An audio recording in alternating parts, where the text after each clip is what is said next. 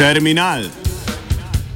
Vedno različni, nikoli isti, reš kolumnisti, isti, isti, isti, isti, isti, isti. Totalna revolucija za njega ni rešitev, Janez Korbin sin hoče samo potrditev.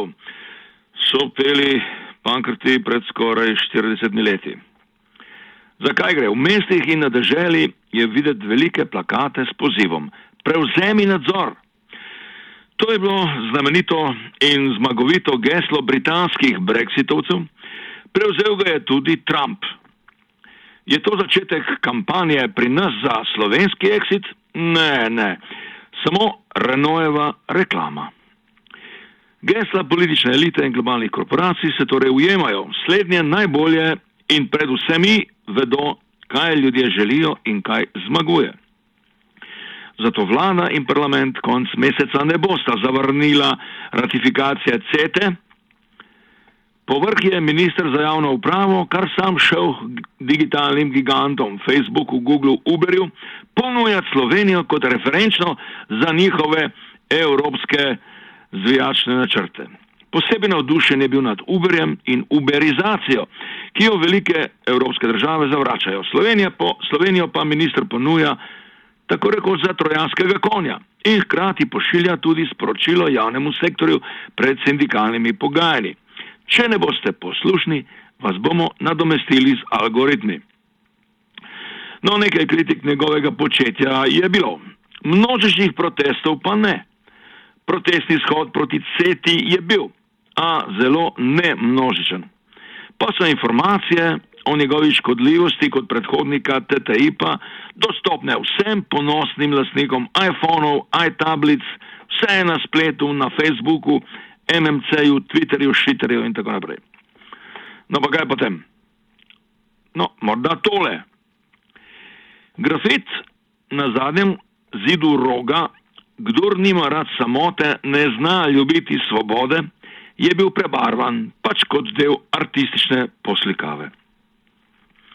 Drži, samota izginja, kaj pa svoboda? To vprašanje se zdi ključno v časih totalne in vse prisotne mrežne družabnosti, vse splošne povezanosti, digitalne kolektivnosti na eni strani, na drugi pa štetje osečkov, prijateljev, selfanja in drugi simptomi patološkega narcizma kot prevladujočega stanja duha.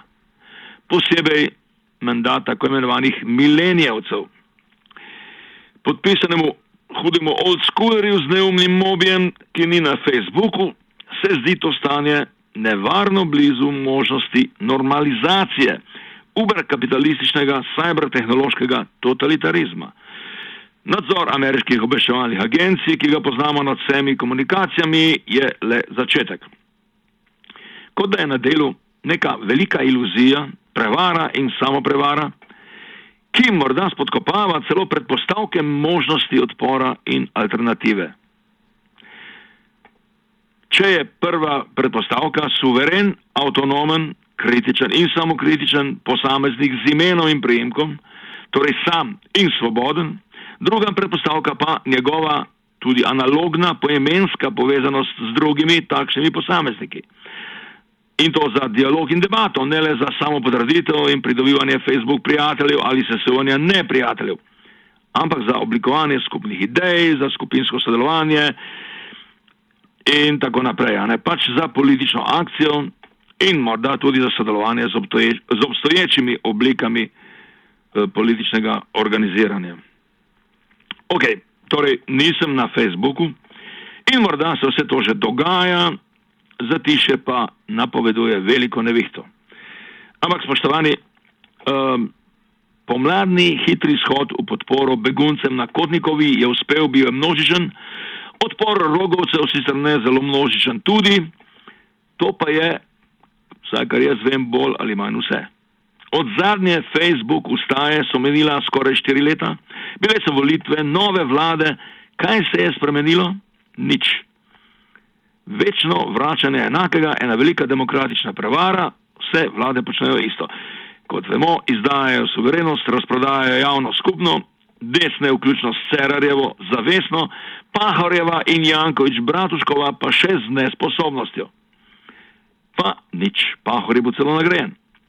Globalne in lokalne elite že prevzemajo levo-sredinski diskurs, lijejo krokodilje solze nad neenakostjo in pokroviteljsko obljubljajo ukrepe, v tem, ko še naprej nekaznovano izvajajo isto politiko. Vse to je dobro znano. Na konicah prstov so vse informacije o globalnih in lokalnih lopoščinah, prevarah in katastrofah. Imamo najbolj demokratično, komun, demokratično komunikacijsko tehnologijo v zgodovini človeštva, a kljub temu nič.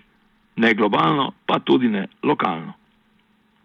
Ali pa prav zato, ker je vsa ta totalna povezanost, virtualna družavnost in cyberdemokracija le navidezna igri, igračkasta psihobergla, del problema, skratka, upor pa je postal tja, nekaj, česar si ne moremo privoščiti. Tako je namreč zapisal časnik, levi časnik Guardian, potem ko je našel vse mogoče prikrajšanosti britanskih milenijcev, ne te generacije tam iz sredine 90-ih eh, rojenih. Ni služb, draga stanovanja in tako dalje. Torej, they can't afford to rebel. No, pri nas je bila v muzeju novejše zgodovine pravkar odprta razstava jugoslovanske preteklosti z naslovom Nikoli jim ni bilo bolje, lahko noč in srečno.